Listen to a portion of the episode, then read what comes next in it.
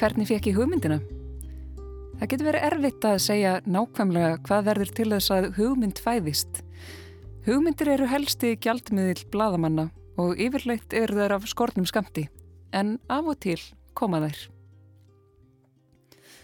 Þessi hugmynd kom til mín á sunnudegi.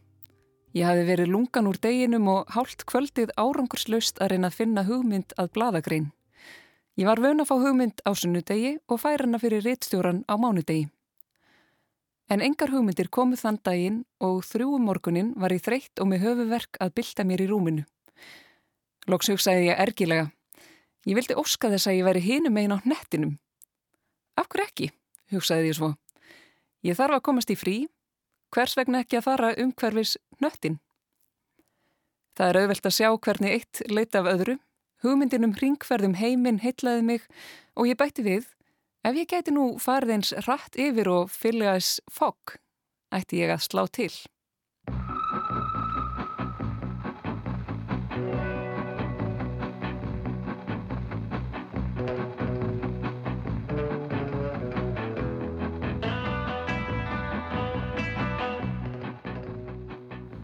Við kynntumst bandarísku bladakoninni Elizabeth Jane Cochrane sem kallaði sig Nellie Bly í síðasta þætti. Nelly byrjaði ung að skrifa í dagblöð á ofanverðri 19. öld þegar ungar konur voru fásíðar á rittstjórnum dagbladana. Nelly Bly let sér heldur ekki næja að skrifa bara um hefbundin kvennaefni eins og tísku, handavinnu og frægafólkið, heldur vildi hún skrifa um alvöru mál.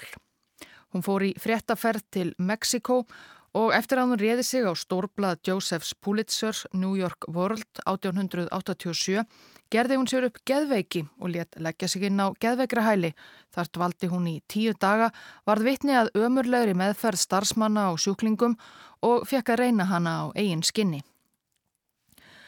Eftir að greinar Nelli um hælið byrtust og vöktu mikla aðtikli í New York og víðarum bandaríkin, hjælt hún uppteknum hætti í óvenjulegum og stundum áhættusömum verkefnum. Hún let handtaka sig fyrir þjófnað og gisti fangaklefa í eina nótt. Hún heimsótti ópjumgreni. Hún gerði sér upp veikindi og fór til meðhöndlunar á fátækraspítala. Hún komst að því að það var lítið málað útvega sér unga barn til kaups á svörtum markaði New York borgar. Þessi uppáttæki Nelly Bly vöktu svo mikla aðtikli og seldu svo mörg eintök af York World að hinn dagblöðin í borginni vildu sinn skerf. Von Bráðar var komin fram heil stjætt af djörfum ungum konum sem leku eftir blekkingar bladamennsku Nelly Bly.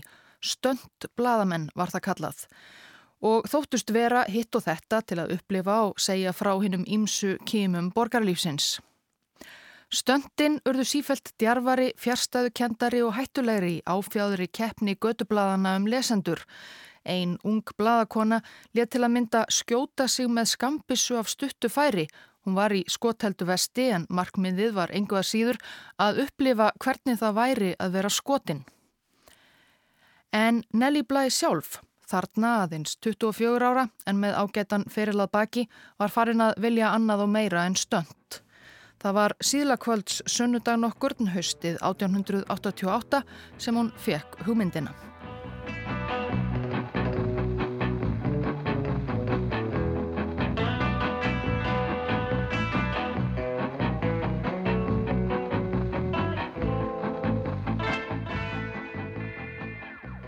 Franski rithöfundurinn Jules Verne gaf út bókina Umkörfis jörðina á 80 dögum 1872.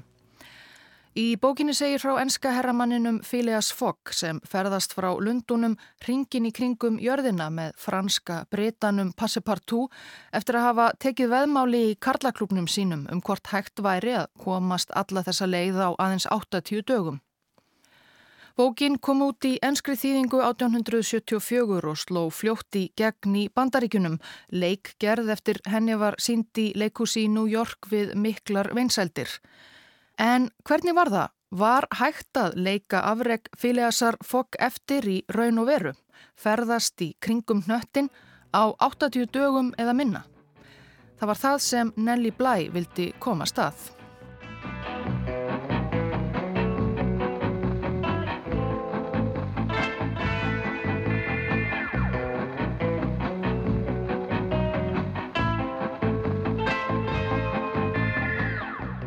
Gefum Nelly sjálfri aftur orðið.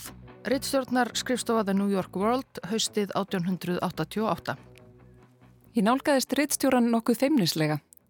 Ég var hættum að honu myndi finnast hugmyndin of vilt og óraunhæf. Ertu með hugmynd? spurðan þegar ég settist við borðaðans.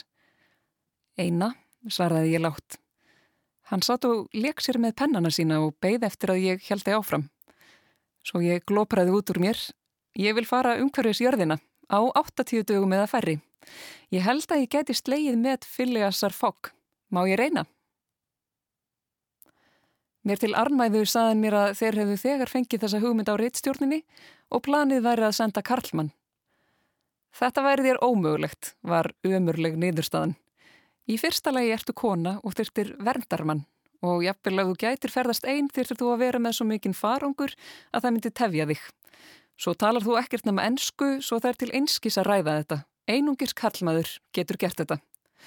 Jæja þá, saði ég reyðilega. Sendið kallin af stað og ég legg af stað samdægurs fyrir eitthvað annað dagblað og sigran. En það varð ekkert úr þessari hugmyndað þessu sinni. New York World sendi engan Karlmann af stað í langverð og Nelly lagði hugmyndina sjálf á hilluna og fór að sinna öðrum skrifum. En ári síðar, síðla á nöbrum höstdegi, fekk Nelly Bly bóðum að mæta tafarlaust til réttstjóra síns. Bóðið var svo óveinulegt að Nelly held að það ætti að ávítana fyrir eitthvað. En ástæðan var önnur. Rittstjóri World spurði hana einfallega hvort hún gæti lagt af stað, ekki á morgun, heldur hinn, umkörfis hnöttin. Ég get lagt af stað á mínútunni, svaraði ég og reynda að róa hraðan hjartsláttin.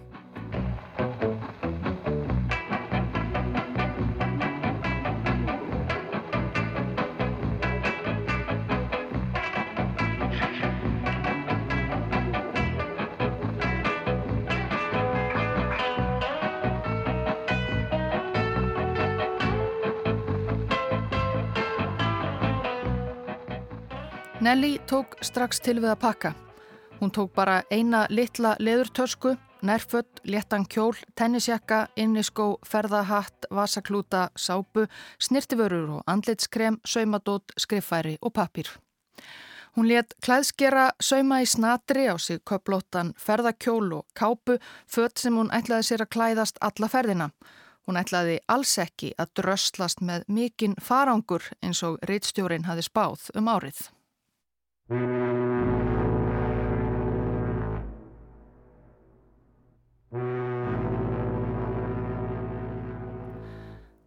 mínútur fyrir tíu að morgunni 14. november 1889 lagði Þíska gufuskipið Ágústa Victoria af stað frá höfninni í Hoboken í New Jersey utan við New York. Um borð var Nelly Bly á fyrsta degi ferðarsinnar um hverfis jörðina. Fyrir höndum átti hún um 45.000 km leið sem samkvæmt ferða áætlun sem rissuð hafi verið upp á skrifstofu New York World ætti að taka nákvæmlega 75 daga og fjórar klukkustundir þar til hún erði komin allan hringin og aftur til stórborgarinnar. Þannig myndi hún rækilega slá met skáldsagna personunar Phileasar Fox sem ferðast hafi þessa vegalengd á 80 dögum. Ágústa Viktoria var glæsilegt farþegarskip og glænýtt og hafði fyrra á árinu sett hraðamett yfir Allandshafið. Nelly, sem hafði aldrei ferðast með skipi áður, varð umsvifalust sjóveik, stóð á þilfarinu og eldi yfir borstokkin. Fólk skortir alltaf samkend með sjóveikum. Þegar ég þurkaði tárun úr augunum og snýri mér við, sá ég brosa á hverjum farþega. Brósin trubluði mig ekki en einn maður saði með fyrirlitningu og þessi þykist ætla umhverfis jörðina. Ég tók þátt í hláturinnum sem fyldi. Í hljóði förðaði ég mig á dirfskunni að ætla mér slíkt afreg algjörlega óvön eins og ég var sjóferðum. En ég hafði þó engan vafa um að mér tækist það. Dægin sem Nelly laði að staðbyrti New York World fréttum fyrirætlanir hennar. Markmiðið með leiðangrinum var jú að selja fleiri blöð þó New York World væri þarna þegar orðið mest lesna dagblad borgarinnar. Nelly Bly á leiðinni umhverfis jörðina básúnuðu fyrirsagnir. Tekst henni að slá met Phileasar Fox.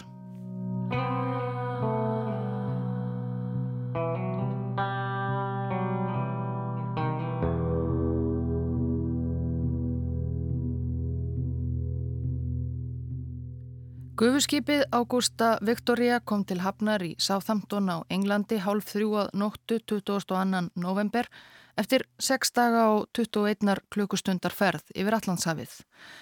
Við höfnina beigð Nelly Kollegi, fréttarittari New York World á Englandi. Sá var með áhugaverða uppástungu. Það myndi kannski lengja ferðina örlítið En hvers vegna kemi hún ekki við í Amien í Norður Fraklandi og hitti mannin sem bar ábyrð á þessu fyrirtæki öllu, reytöfundin Jules Verne. Hann hafi nefnilega sendt henni heimboð þegar hann fretti af ferð Nelly.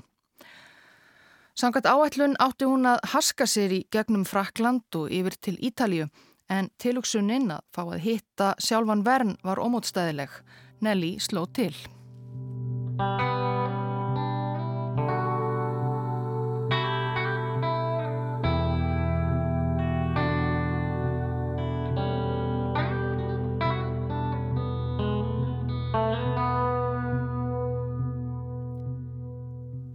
Eitt vissi Nelly Bly ekki þegar hér var komið sögu. Hún átti sér keppinaut.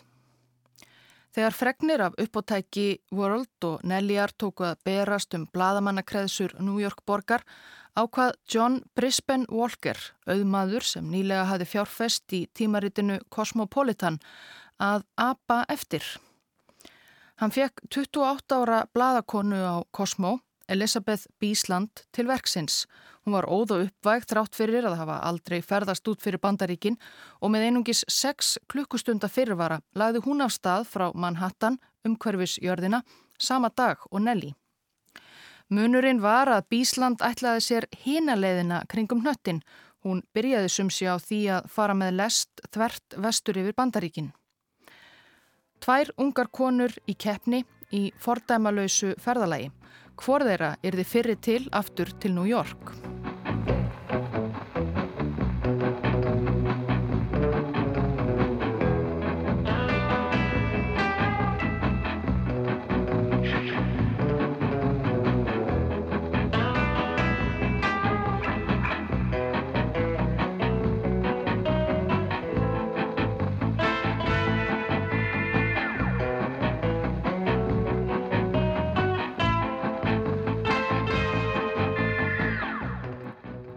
En Nelly vissi allt svo ekkert um þennan keppinaut sinn þar sem hún drakk vín með Jules Verne og eiginkonu hans í Amiens 23. november 1889 eftir snarpa lestarferð frá Lundunum.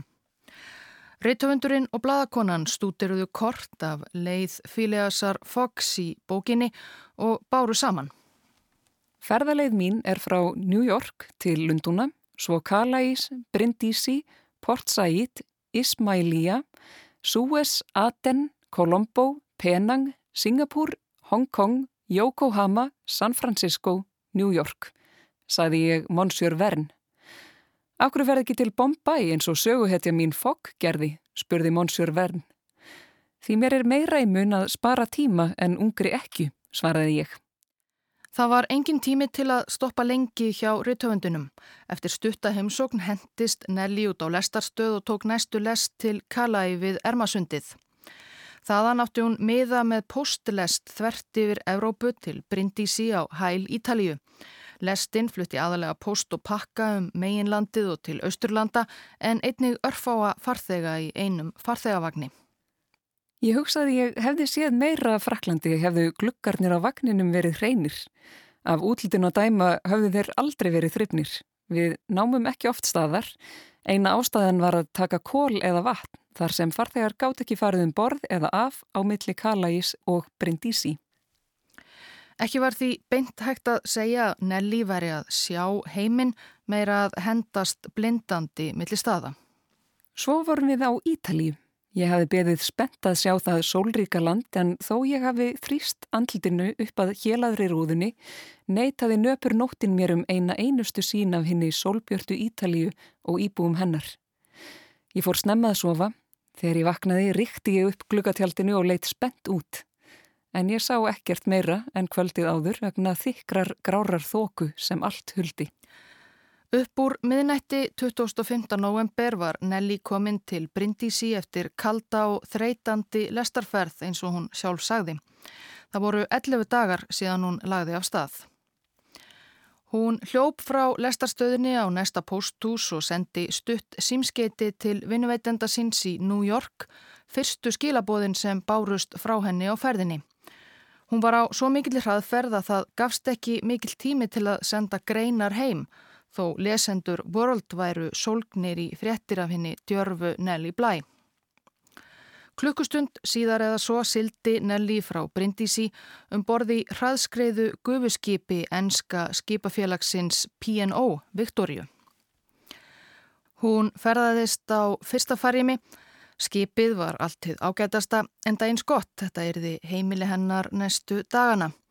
Fyrst lá leiðin yfir miðjarðarhafið til ekifsku hafnaborgarinnar Port Said. Siglingin tók tvo daga.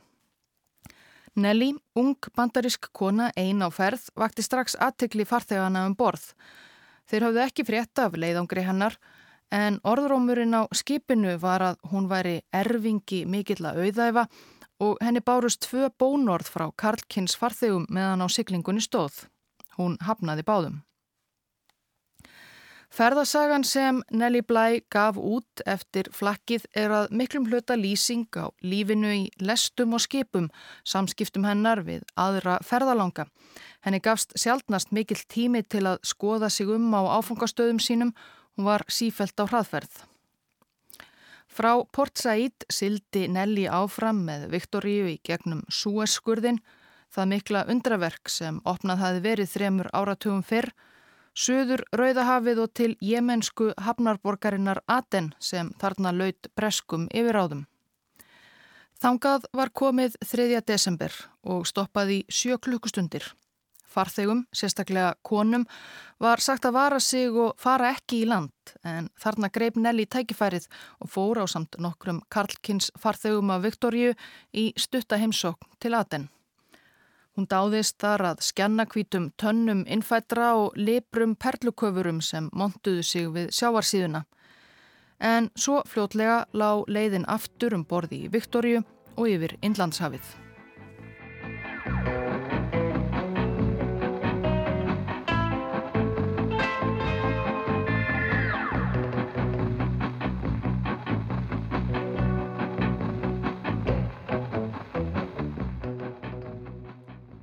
Lífiðum borði Viktorju var tíðinda lítið. 8. desember kom skipið að höfni Colombo á eiginni Ceylon sem þá hétt Sri Lanka. Í Colombo þurfti Nelly að býða í fimm nætur eftir skipi sem myndi flytja hana næsta legg leiðarinnar. Hún tjekkaði sig því inn á eitt fínasta hotellið í Colombo og gaf sér tíma til að ferðast nokkuð um eiguna. Hún fór í leikús og á snákasíningu og bræðaði karrirétt í fyrsta sinn. En klukkan tífaði. 11. desember 1889 á 28. degi ferðarinnar kvatti Nelly Ceylon og helt ferðsinni áfram austur með gufuskipinu Oriental. Súferð sóttist vel. Oriental var lítið og hraðskreitt skip og vetrarveðrið var með skaplegasta móti á Inlandshafi. Engu að síður hafði Nelly stöðugar áhyggjur af því að hún næði ekki að halda áætlun að komast hringin í kringum hnöttin á 75 dögum. Minsta röskun geti sett allt í uppnám. Að morgni 18. desember eftir viku siglingu lagðist Oriental að Bryggju í Singapúr. Stoppið þar var ekki langt en Nelly fór í land, borðaði á einu af þeim glæsilugu hótelum sem breskir nýlenduherrar höfðu byggt í borginni og fór í stutta skoðunarferð í vagnni. Undir lok þeirrar ferðar rak Nelly augun í nokkuð sem vakti sérstakka forvitni hennar. Við náum staðar við fábrótið heimili Ekilsins á leið til skips. Þar sá ég á jarðhæðinni fallega eiginkonu hans vafða í lín og nokkur lítil nakin þeldök börn. Við útitirnar var api. Ég hafði staðist á freystingu að kaupa mér dreng í Port Said og kæfti löngunina til að kaupa seilonska stúlku í Colombo. En þegar ég sá apan, leistist viljastyrkur minn upp og ég fór umsveifalaust að prúta. Ég fekk hann. Býtur apinn, spurði ég ekilinn. Hann greip um hálsin ánum, hjælt honum uppi svo ég geti dáðstæðunum og svaraði Api ekki býta. En hann gata varla í þessum kringumstæðum.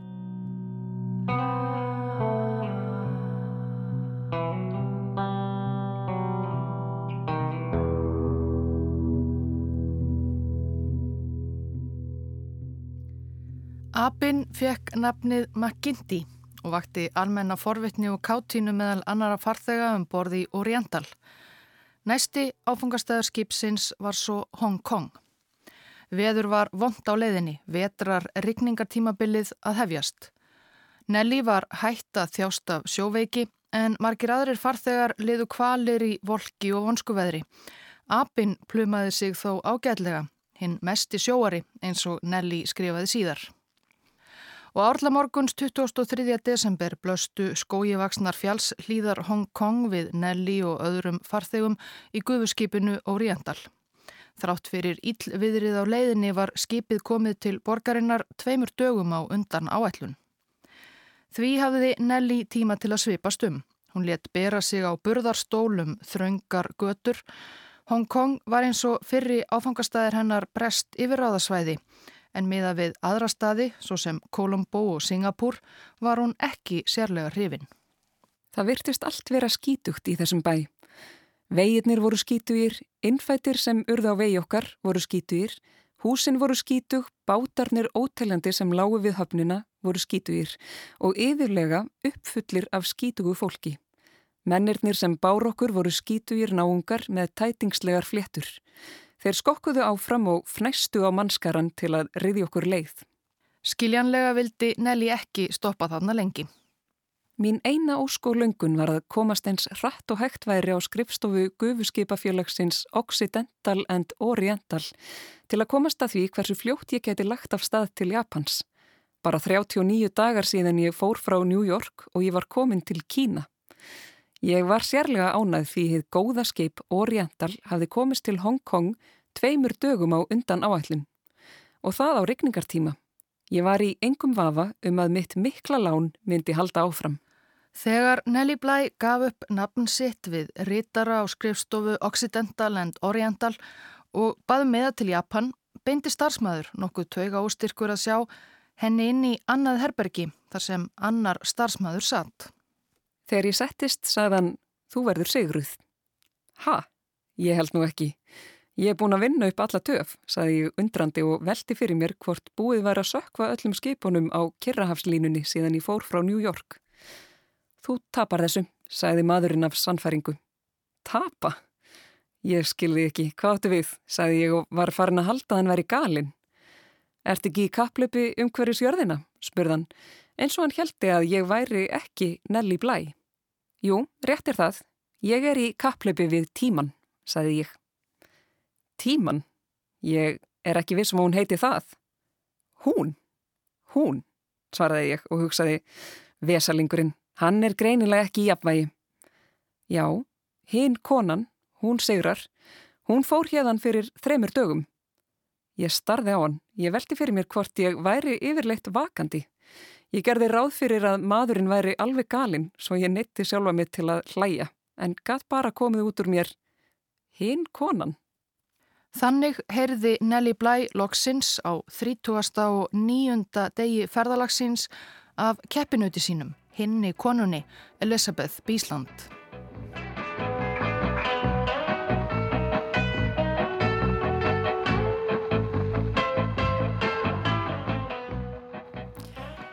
Hefði einhver amatör spámaður reynd að segja mér 13. november 1889 að ég yrði á jóladag það árið út á Indlandshafi, vona ég að ég hefði, mildilega vegna greinilega handónýtrar spátamskáfu, aðeins spentunum á versið í biblíunni, þar sem stendur Guð elskar gladan gjafara og beðið hann að fara í friði.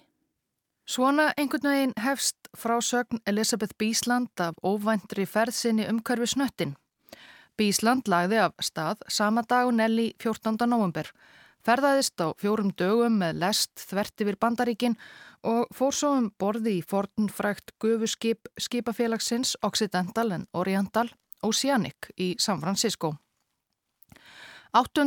desember var hún komin yfir Kirrahafið til Yokohama í Japan. Ferðaáallun hennar var mjög áþekk Nelljar bara í hináttina. Frá Yokohama hjælt hún áfram með Oceanic til Hong Kong þar sem hún, líkt og Nelly örfáum dögum síðar heimsótti skrifstofu Occidental and Oriental og treyði sér farmiða vestur yfir Inlandshaf.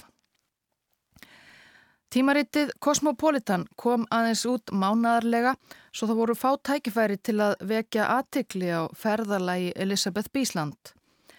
En reittstjórar New York World gerðu hvað þeir gátu til að kynna sinn eigin heimsornaflakkara Nelly Bly.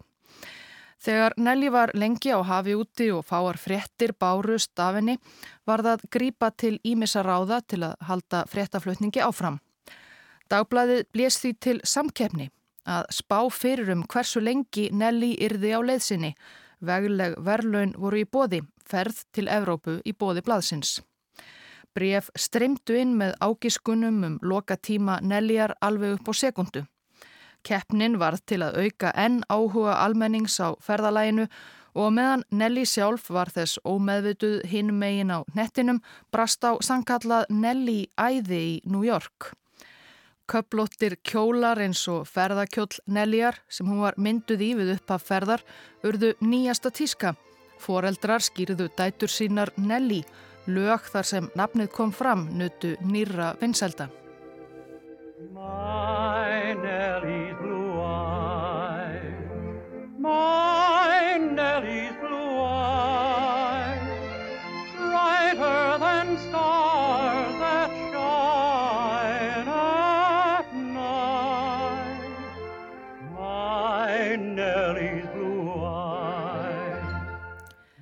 Síðdeis 28. desember lagði Nelly Bly af stað frá Hong Kong um borði Oceanic, skipinu sem fluttaði keppinaut hennar Elizabeth Bísland yfir Kirrahafið. Ferðamöguleikarnir voru ekki svo margir.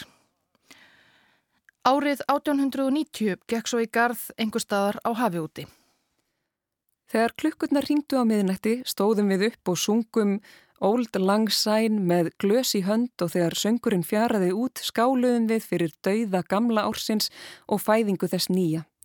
Við tókumst í hendur, óskuðum hvert öðru gleðilegs árs, 1889 var á enda og 1890 að hefjast með sælu þess og sársöka.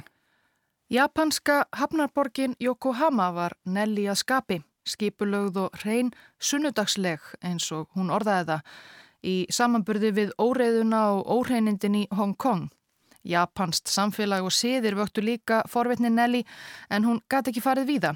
Hún gæti einungis varið 120 klukkustundum í Japan áður en leiðin lág áfram, áfram um borði Oceanic yfir Kirrahafið til San Francisco.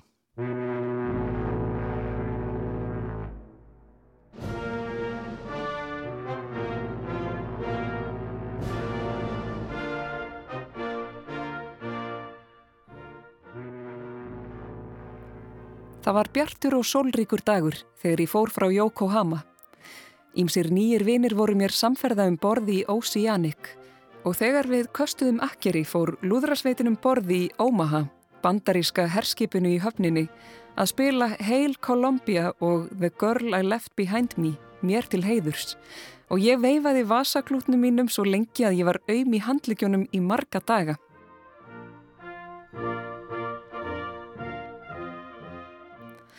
Allt útlýtt var fyrir ánægulega og hraða sjóferð.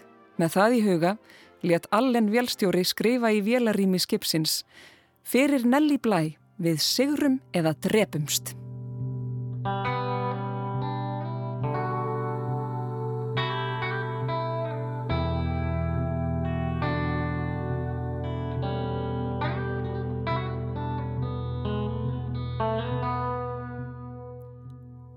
En ferð Oceanic yfir Kirrahafið varð vindasöm og erfið. Svo mjög að einhverjir hjátrúarfullir skipverjar urðu þess fullvissir að Abin McGinty sem Nelly hafi eignast í Singapúr og var enn með í för væri óheilla kráka. Nelly tókst nömlega að bjarga Abanum dag nokkur þegar sjómenn ætluði að henda honum fyrir borð til að losna undan bölfun hans. En þrátt fyrir Aban mjakaðist skipið í gegnum stórsjó og höfnin í San Francisco kom lögs í auksín snemma morguns 21. januar skipið örlítið á eftir áætlun. Annað olli Nelly þó meiri áhyggjum. Það var vetur í bandaríkunum og hún fekk að heyra að undanfarna viku hefði verið mikla raskanir á lestarferðum í vestanverðu landinu vegna snjóþingsla. Sigurinn var ju ekki unnin þó hún væri komin aftur til heimalandsins. Hún hafði tæpa viku til stefnu að komast aftur til New York og halda áætlun 75 daga. Eða myndi allt mistakast á loka metrunum. Í upphafi ferðarinnar hafi New York World heiti því að Nelly Bly myndi aðeins notast við almenna ferðamáta á leiðinni, almennar farþegalestir og skip.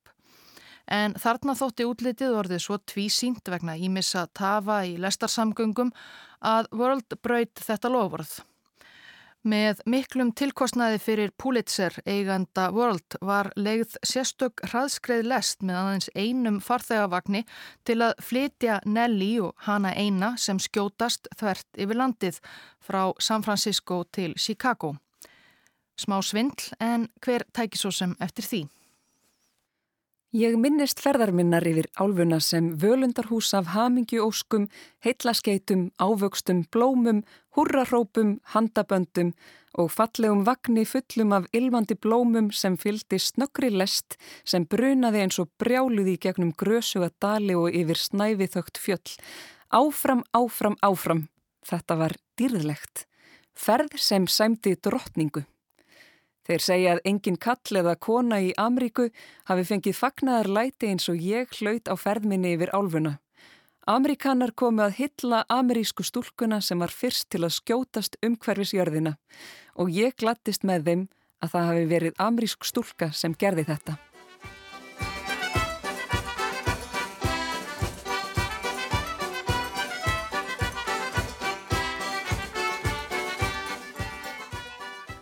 Hvar sem sérlest New York World stoppaði, hópaðist fólka á lestarstöðvar til að fagna Nelly, lúðrasveitir spiluði á pöllunum og borgar og bæjarstjórar heldur ræður. Á leiðarenda sérlestarinnar í Chicago held bladamannafélag borgarinnar búað Nelly til heiðurs. Allra síðasta leggferðarinnar fór hún svo með venjuböndinni farþegalest, Chicago, New York. Þangað var komið rétt fyrir fjögur síðdeis 25. janúar. Mér var sagt þegar við vorum næstum komin að stökka út á pallinum leið og lestin næmi staðar, því það veri loka tímin sem ég hefði verið að fara í kringum jörðina. Lestarstöðin var uppfulla fólki, þúsundum og andartækið sem ég steg á lestarpallin, rópuðu þau öll sem eitt og fallbissutnar á fort grín básúnuðu fregninnar af komuminni. Ég tók af mér hattin og vildi hrópa með mannfjöldanum, ekki af því ég hafði farið umhverfis jörðina á 72 dögum, heldur að því ég var komin heim.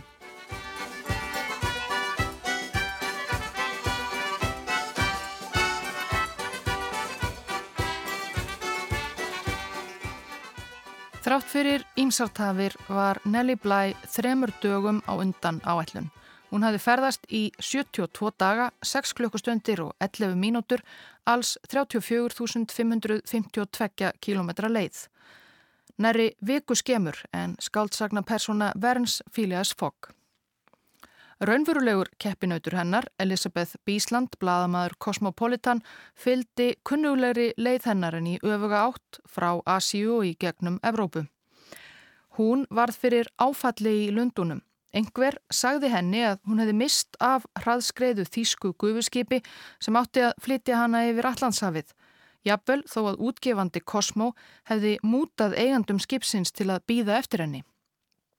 Einhverjir hafa síðan velt fyrir sér hvort New York World hafi átt einhvern hlut í þeim afdrifaríka miskilningi sem var til þess að Bísland fór með mun hæg gengara skipi og kom ekki til New York fyrir en 30. januar eftir tæplega 77 daga ferð.